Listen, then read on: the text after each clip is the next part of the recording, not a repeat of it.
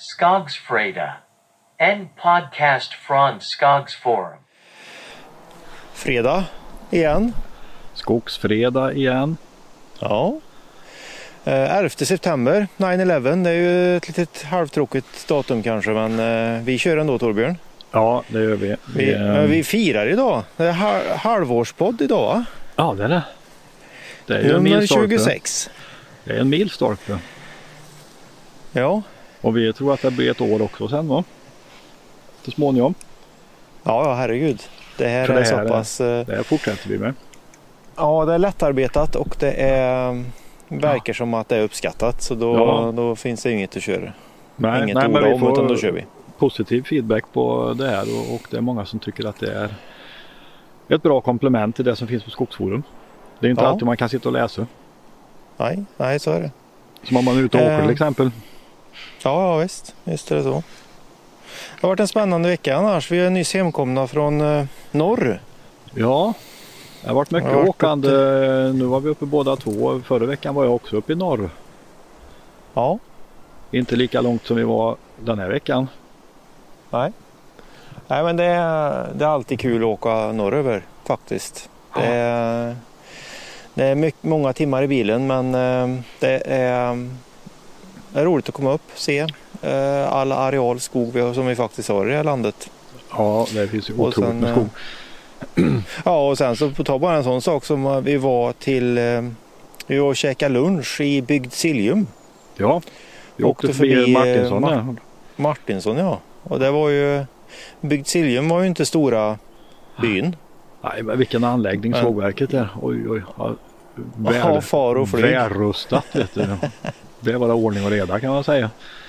Ja det var en fruktansvärt, såg ut att vara en fruktansvärt fin anläggning. Så Ja. där har nog Holmen gjort ett kap. Det var ju de som köpte Martinsson nu. Ja, eller ska precis. köpa eller på. för, ha, för, avsikt. Ja, Nej, imponerande.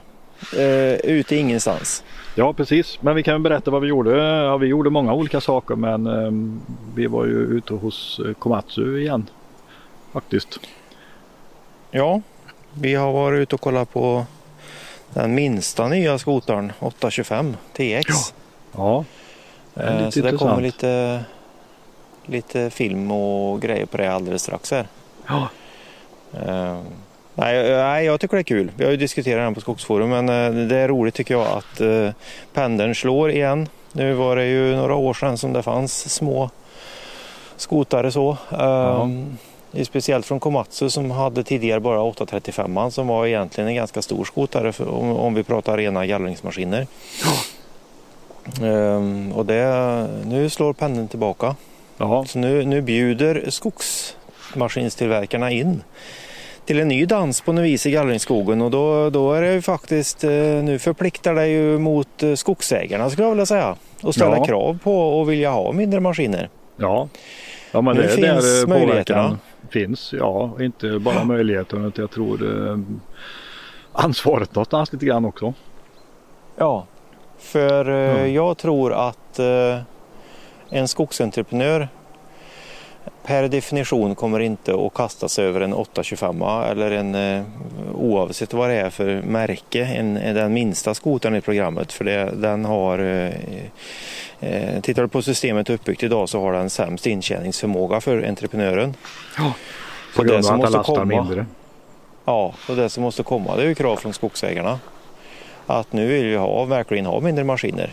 Och det är, Ja. det är ju som sagt nu, nu, dansar, nu bjuder de upp till dans, skogsmaskinstillverkarna och det är eh, riktigt kul tycker jag. Ja, nej, men det är väldigt positivt. Det är det. Så nu gäller det att börja dansa faktiskt med Mm. skogsägarna. Det är viktigt. Ja. Eh, för då, då kommer vi att och eh, få välmående entreprenörer som eh, gör väldigt bra jobb i skogen. Ja, det tror jag. Och ersättningen kommer ju följa med. Så de kommer ju få skälig ersättning. Eh, Men det är alltså skogsägarna som sitter på trumfkortet. Ja, det är väl så att ersättningen måste hänga med. Alltså man måste, som entreprenör måste man få någon mer krona per kubik om man ska köra med lite mindre maskiner än vad man får när man kör med något större. Det är ganska enkel matematik egentligen. Ja, det går ju inte lika mycket på lasset så du måste köra Nej. någon mer gång kanske. Ja. Så det, det är väldigt enkel matte. Ja. Och det har vi ju, vi har ju diskuterat det när det gäller de ännu mindre maskinerna, typ Malva Vimek till exempel, så är, så är det ju att det ska, ja, om man vill använda den typen av maskiner då måste man vara beredd att betala ett par tjugor mer per kubikmeter när man får ut virket och det finns ju de som är beredda att göra det och när de ställer krav så kommer de maskinerna i någon omfattning i alla fall. Och det, det är ju den vägen kravspecen kan ställas. Ja, absolut. Det det. Ja, nej, men det var mycket annat intressant också. Vi börjar väl, eh, ja vi börjar ju i det här Arbor, Arboretum Norr. Och, och ehm, Ja. hittade mycket spännande. Jag har varit där förut i våras så nu var du där första gången. Då, jag tror det var rätt uh, häftig aha-upplevelse för dig. Ja, nej, men det, det var jättekul. Eh, det kan vi väl börja med att säga som, som eh, eh, en reflektion i det här det är ju att eh, vi som bor i södra Sverige får ju gärna en eh, jag vet inte om man ska säga nidbild eller myt om att det, det växer dåligt i norr. Eh, Men det kommer ju på skam om man åker upp och tittar på skogen där uppe. Ja. Speciellt utefter kustlandet. Det är ju, det är ju liknande skog som i södra Sverige. Det är bra drag i växt, tillväxten där. Bättre och bättre Ja. blir det väl i och med varmare klimat också. Skulle jag tro. Och vi tittar ju på riktigt häftig skog också. Det kan vi också säga. Det finns en tråd om det. Ja, vi fick tips från eh, SLU om, eh, ja det, det var ju egentligen kanske den största kioskvältaren med den resan. Ja. Eh, för det är ju, contortan har ju ett skamfilat rykte men det är nog eh, vi människor som har orsakat den för det visar sig här att låter du contortan stå orörd i 90 år så blir det fruktansvärt fin skog faktiskt. Ja. Ja, det var, jag har aldrig sett, något, volymer. aldrig sett ett sånt contortabestånd förut. Vi var Nej. inne på ett, eh, ett 90-årigt bestånd som eh, stod utanför Olofsfors söder om Umeå. Eh, gammalt försök. Ja. Och vi pratade ju med SLU där och det var tydligen inte någon speciellt skarp mark att tala på. Det var, ingen liksom så här, det var inget udda hål Nej, det var i, extremt, i skogslandskapet. Nej, nej, det var det inte utan det var ganska vanlig mark. Ändå stod det 700, över 700 kubikmeter contorta. Ja, och de var 32,5 meter höga i övre höjd. På Ja. 90 år, det är skapligt. Ja, bra drag. Ja, Och att de såg skapligt fina ut. För att gå Ja. in i de här gallringsbestånden eller vad man ska säga med ungskogarna. contorta i, i ungskog, det, det, är ju, det är ju inte så muntert Nej, faktiskt. Ja, men det är väl det contortan har emot sig lite. Alltså den är ju den, den, den gallrar sig själv. Man behöver inte gallra contortan för det sköter den själv. Eh, och det är ju granskogen också kanske på ett sätt. Men eh, det, granarna, om du tar vanlig gran, den vanliga, våran vanliga svenska gran, så den skiktar sig ju ganska tydligt. Jag menar, det som ga- självgallrar sig det är de klenaste som, som blir undertryckta efter ett tag och som tappar farten och inte hänger med. Ja. Men i contortan är det liksom lite jämns över. Det är mycket stambrott. De går av träden. Antingen tippar hela trädet Mm. eller också går det av en bra bit upp. Då. Ibland så finns det gröna grenar kvar. Då blir det en dubbeltopp och ibland så eh, finns det inga gröna grenar kvar. Då står de och dör och så ja, fortsätter de som är Man kan sa- växa. sammanfatta det som hej baberiba i skogen. Ja, lite vis. så. Ja. Ja. Och det ser inte så muntert ut. Men eh, uppenbarligen så blir det tillräckligt mycket, många träd kvar för att växa upp till stort bestånd. Ja. Så att, eh, ja, Ja, häftigt. vi- Vi har ju i den tråden på Skogsforum, vi länkar den till den här där, vi, där du har klickat via, vidare till den här podden så kan du läsa mer om det här beståndet. ja. Det är ganska så häftigt faktiskt. Men Ja. jag skulle ändå vilja återkoppla till eh, Arboretum där. Det, det, var ju, eh, det är ju dagens tips. Om du, om du vill åka och titta på något häftigt så ska du åka och kolla på Arboretum i Baggböle. ja, absolut. Fruktansvärt häftigt alltså. Det kan man ägna en hel dag och gå runt. Ja. Och där har vi också, vi la upp, eh, vi länka in det också. Jag gjorde ju en eh, halvtarvlig slow motion video med Ja. Gissa trädet. det var ganska kul. Vi kunde ju knappt vistas bland folk när vi hade varit där för vi hade klämt på för många kodblåsor så vi luktade ju någon form av Billig, billig parfym. parfym. Ja. ja, det, var, häftigt. det var en massa abelsarter. Flera av dem hade ju stora, alltså man vi klämde på stammen. Det var som att trycka på en vettexduk. Det var ju både såna här, Ja. vad heter den, La- Lassiocarpa heter den va, som heter klippgran. Abies Carpa. De växte ju ganska bra där. De var väldigt fina. Mm. Riktiga sådana kalanka-granar. Perfekta julgranar och bra. Och de, de klarar sig nog ganska långt norrut tror jag. Men sen fanns det en som hette, vad hette den? Purpurgran? Purpurgran ja. Ja, Det var den vi fokuserade på. ja. Den hade störst sån här eh, kodblåse. Tryckte man på den sprutade ut typ en hel matsked med kåda rätt ut i luften. Ja. Det var tydligen barrträdens prinsessa var den. Ja, En, en kinkig jäkel. får den för sig att inte växa så bara står den och dör och får den för sig att växa så är det ett jädra drag i den. Ja, ja var häftigt. Ja. Nej, det kan vara ett tips för eh, sådana som hålls med mountainbike-slingor och sånt där och, och eh, plantera purpurgran för då har ni ju automatiskt eh, stoppskydd när ni kör av vägen. Ja, För det, är ju, det, är ju, det känns knappt att köra in i en sån med tanke på vad mjuk den var. ja det var, det var, de, de startade på bredden och växte. De kom inte upp riktigt för att de eh, var lite kinkiga med klimatet och sen rätt vad det var när det blev lite varmare då fortsatte de växa uppåt. Men innan dess så hade de brett ut sig ganska väl. Så det var kanske Definitivt. inget för skogsproduktionen just precis nu men eh, intressant att se, att se i alla fall då. Ja, absolut. Nej, Ja. men sen då går vi tillbaka ur ett brett perspektiv med just det arboretumet där uppe så är det ju eh, det, det trotsar ju också någon form av naturlagar, i alla fall våra egna stipulerade naturlagar med att det växer ju eh, och överlever, frodas och växer långt över den 60 breddgraden på, med träd som vi inte alls tror att de skulle växa där. Ja, det fanns ju lite ek och ask och mycket lönn och allt möjligt. Ja, Bland lövträden. ja, Och sen har de Det var- många, många exoter från olika världsdelar. Det var, det var pedagogiskt uppdelat i olika världsdelar. Man kunde se eh, östra Nordamerika, västra Nordamerika, Sibirien, eh, Europa, Asien mm. och ehm, ja. Det, det vi saknar Ja. lite grann det var ju skyltar på träden. Lite svårt att hitta en del individer och det fanns en karta som man kunde gå efter som var väl inte helt optimal. Men det, det finns förbättringsmöjligheter men det är absolut värt ett besök om man har möjligheterna. Så att eh, för 17 åk dit och titta. ja Arboretum definitivt. norr i Baggböle.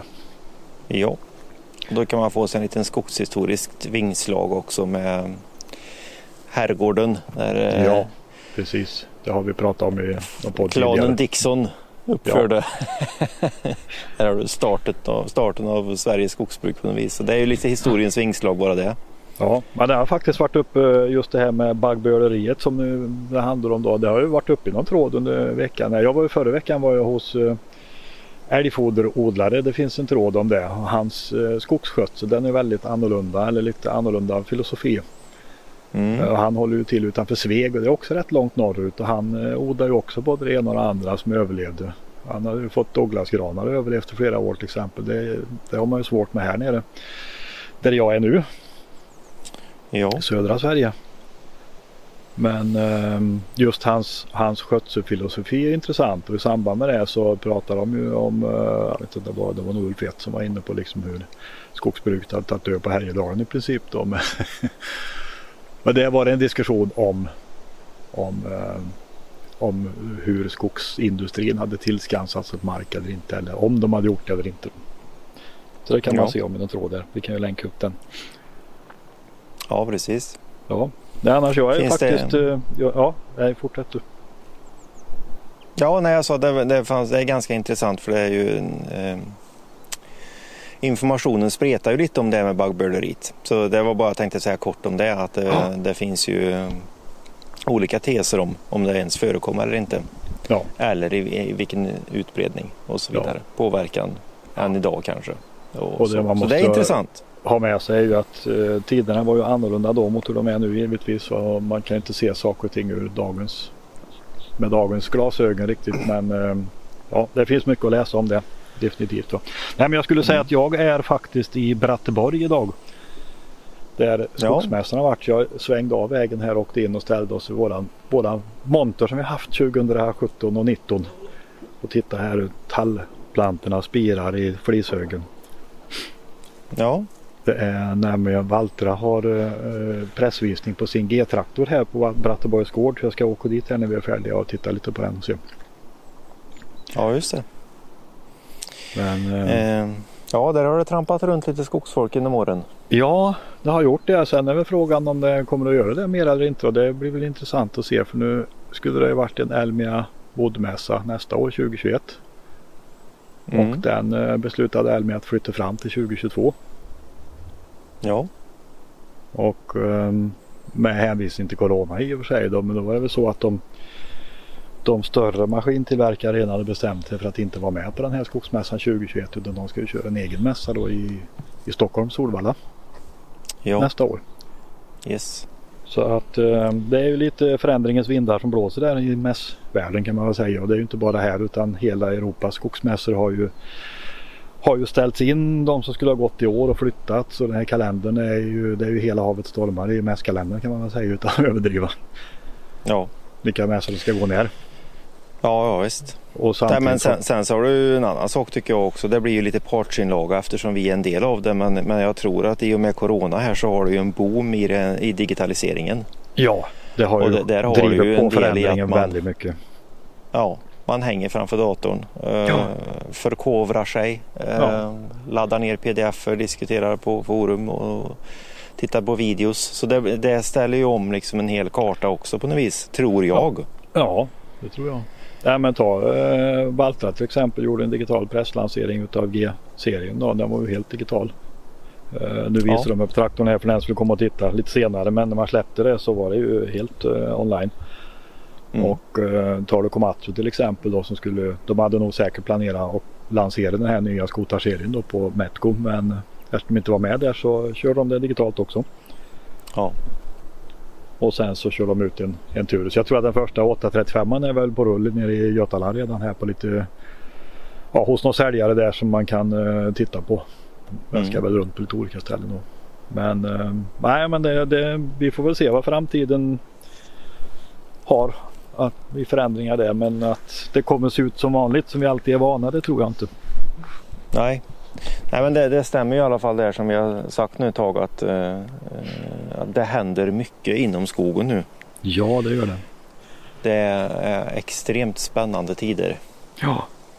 Och vi har inte gjort något tråd om det men jag kan flika in en kortis om det. Det var eh, KSLA var det kanske inte men IVA, eh, Ingenjörsvetenskapsakademin hade ju en seminarium igår som de sände på Youtube om eh, en nationell eh, vägplan eller vad man ska kalla det för bioekonomin i Sverige. Mm. Det här, nu, det här är ju liksom, nu börjar det låta flummigt och jag vet att många liksom bara, åh gud, bioekonomi och ja, men eh, det var det i alla fall. Men, men det, det är någonting som, jag tittar, jag har inte tittat på hela videon än och vi ska nog göra en tråd om det för det är ganska intressant. Det är ju att eh, det är ett extremt fokus på skogsindustrin. Ja. Och någonting som slog mig i, i det här um, seminariet, i alla fall fram tills Thomas Lundmark på SLU kom in, Mm. det var att eh, de nämner inte ordet skogsägare. Nej. Moderatorn eh, nämnde ordet skogsägare och hade helt fel för han sa att skogsägarna är ju inte, driver ju inte företag. De är ju privat. Eller Så så? han hade ju fel. Ja. det, det, det, det var nummer ett. Det var ingen som sa emot då, får vi kom, då, då får vi nog, eh, för det här, det här är viktigt som attan alltså. För det Ja. känns ju som att skogsägarna, de liksom skyfflas undan i ett litet fack. De ska bara leverera virke, punkt slut. Mm.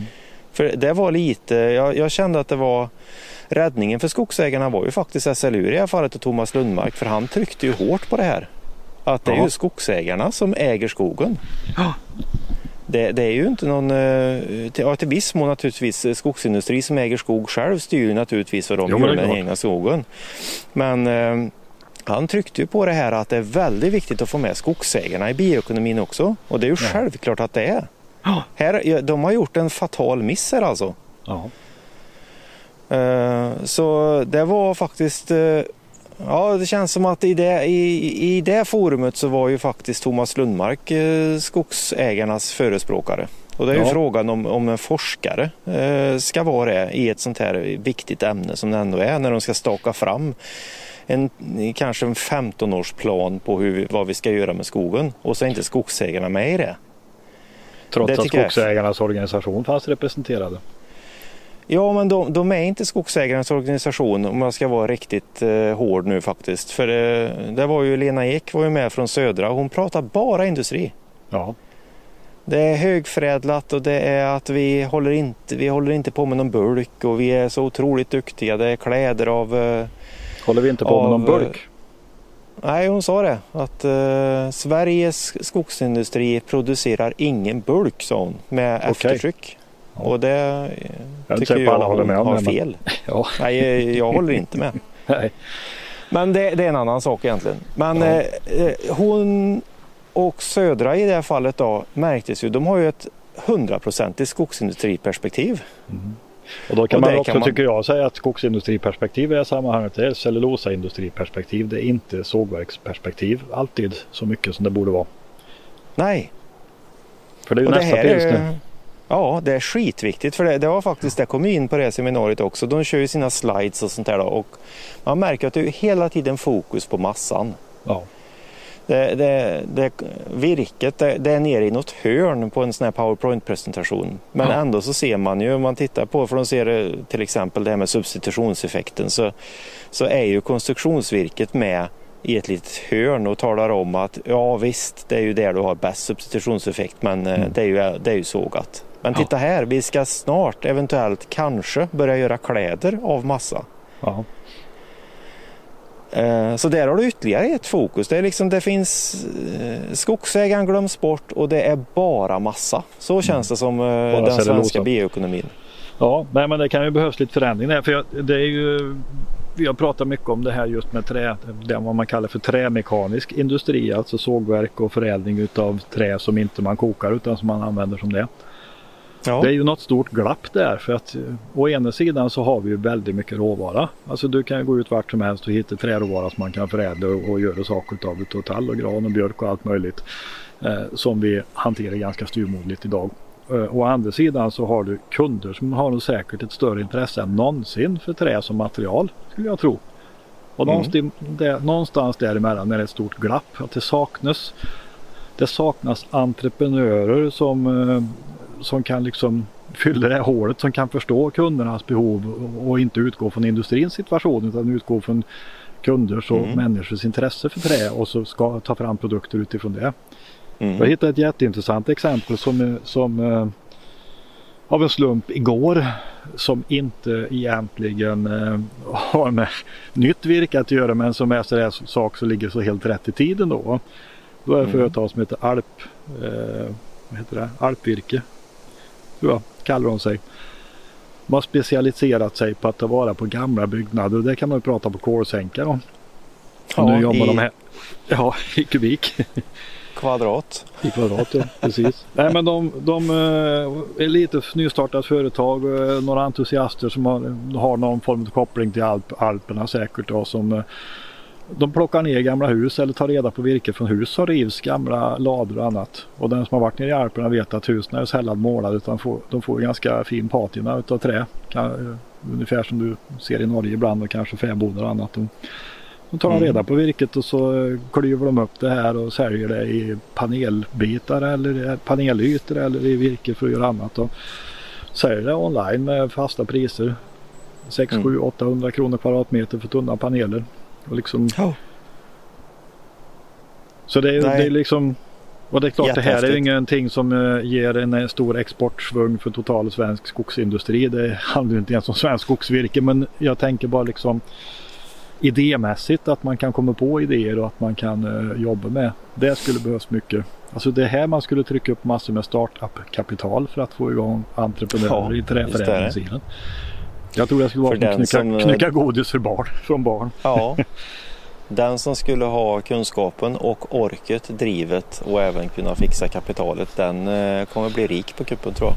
Jo men det jag tror att det borde där. finns. Idag utgår ja, vi, från, vi utgår från industrins, alltså produktionssidan helt och hållet. Det gäller att pressa ner, få igenom stocken en millisekund snabbare. Um, och, och ja. få producera lite mer pressa kostnaderna ja, lite mer på energisidan och, och annat och, för att få ut. Och så säljer man fortfarande plank och brädor som är i fotlängder och i, i tumdimensioner om man ska vara lite elak. Jo men så är det ju. Ja. Vet, det känns ju som att eh, det är snart att någon börjar titta på om vi inte kan göra en skördetröska för skogen. Ja. Eh, kombinerad eh, balare liksom. Så att du, Ja. du kör in med skördetröskan och så ut, ploppar du ut balar som är färdiga massabalar som kan skickas till Kina för att göra skituspapper. ja, Det, Det är liksom, det är bioekonomins väg om man ska vara jäkligt hård nu alltså. nu blir det en sån här mörk fredag igen här. Ja, men det, det är viktigt som fanken för skogsägarna Ja, får inte glömmas bort i det här. Nej, Och det, för Men- skogsägarna idag så har du alltså det, det närmaste lägst häng, hängande frukten för att tjäna pengar ur timmer. ja. Och timmer pratas inte om i bioekonomin. Det är Nej. liksom som en liten eh, bieffekt. Ja, ja, ja, vi har timmer där. Jo, jo. Ja. Men massan. Jo men och det är inte här forskningsmiljarderna sätter in heller. Det, en del av bolagen satsar ganska mycket på forskning idag för, för att ta fram nya produkter och det är väl bra. Eh, De, de är ju cellulosabaserade men det är ju väldigt lite forskning på att jobba med att ta fram nya produkter från träsidan, från trämekaniska sidan. Ja, Och, eh, ja det finns superviktigt säkert tycker jag. historiska orsaker varför det ser ut som det gör men här finns det, här finns det att göra kan man säga. Ja, och eh, risken är om, om, eh, det här får, om det här fortgår bara som det gör precis nu så, så kommer ju tyvärr tror jag skogsägarna att marginaliseras ännu mer. Ja, Eh, och marginaliseras skogsägarna så marginaliseras även jobben i skogen och, och skogsentreprenörerna. För då kommer eh, det inte finnas något incitament till att kunna ta ut mer pengar för att göra ett bättre jobb i skogen heller. Och då kan vi ju verkligen tala om att vi är inne i bulkproduktion. ja. ja det är ingen Eh. rolig värld, det vill man inte vara, det vill man inte hamna. Det Nej, inte kul så alls. det- är därför det kanske låter att vi är hårda och sådär. Men det här är fast med det här är viktiga saker. Det knäcker ju- odlarglädjen. Ja, men visst. Och det vill man ju inte. Nej, det vill man inte. Så ja, det finns ett jobb att göra. Det gör det. Har det hänt något annat spännande den här veckan då? Det har varit lite, vi har alltid lite heta diskussioner igång stundtals. Här. Det är lite modererande och lite eh, Ja, det så. har Men, varit heta diskussioner men ändå på något vis eh, tycker jag ändå skapligt bra diskussioner. Vi har pratat åsiktskorridoren i skogen. ja, det är väldigt intressant. Den är lite självgenererande Ja. den tråden på. Eller själv, vad kallar man det? Själv eh, avslöjande på något sätt. Alltså den tråden om- som där man diskuterar åsiktskorridoren visar att det finns en åsiktskorridor i skogen vad man får diskutera. Ja, precis. Meta. ja, precis. Ja, nej men så, är det ju. Och men eh, jag tycker att eh, om man ska försöka få en form av eh, helikopterperspektiv på det hela så, så känns det ändå som att det hettar till och blodtrycket stiger kanske eh, under en kort period. Men kontentan efter, om vi tittar efter något år eh, och går tillbaka så kan man nog ändå säga så att eh, även om det kanske inte allt var sant så var det ju faktiskt så att jag lärde mig lite nya perspektiv. Ja, jo men så är det. Jag tycker man kan se eh, att det är ganska det, det finns personer som är inne och diskuterar ibland där, där eh, ja, blodtrycket stiger kanske rätt mycket. Men jag menar, får man bara sansa Ja. sig lite så kan man få ändå ganska bra. Och jag tror att någonstans så alla Ja, kanske inte är med. erkänner det direkt men, men man kanske får breddar sin position lite eller breddar sin uppfattning lite också. Ja, och jag tycker det är väldigt kul att eh, Lars Lundqvist är med och, och som företräder SLU och är professor på SLU och är med Ja. och diskuterar flitigt i de här trådarna. För det, han, eh, jag, jag tror det är så enkelt som att eh, han ser ju en, en chans i det här att kunna förmedla ut eh, sin kunskap och SLUs kunskap till, Ja. till oss alla. Och det Ja, är ju väldigt skitbra. positivt. Ja. Fruktansvärt positivt. Så det, det, det, det ger en väldigt bra bredd och eh, intressant diskussion i det hela. Ja, Så det det, är, mm, det tycker jag är bra faktiskt. Så att det är bara att knappa in på skogsforum.se och, och haka på diskussionen. Titta, läs och lyssna, eller läs och titta och var med och skriv också om ni vill. Eh, Det är Ja, väldigt uppskattat att alla, alla Absolut. inlägg och alla inslag som kommer oavsett om det är eh, att man delar med sig av sina egna erfarenheter eller om man ställer frågor eller vad man gör så är det alltid väldigt positivt. ja, ta chansen skulle jag vilja säga. För det är Ja. värt det. Absolut. Men eh, vi avslutar väl denna fredag Fredrik. Jag ska åka upp till gården här på Bratteborg och titta vad Valtra har på sina nya traktorer här och det kommer väl någon litet filmklipp från det förhoppningsvis framöver. absolut. Nej, men eh, ni får ha en jättebra fredag och helg allihop så hörs vi nästa fredag. Det gör vi. Hej då! Mm, hej då!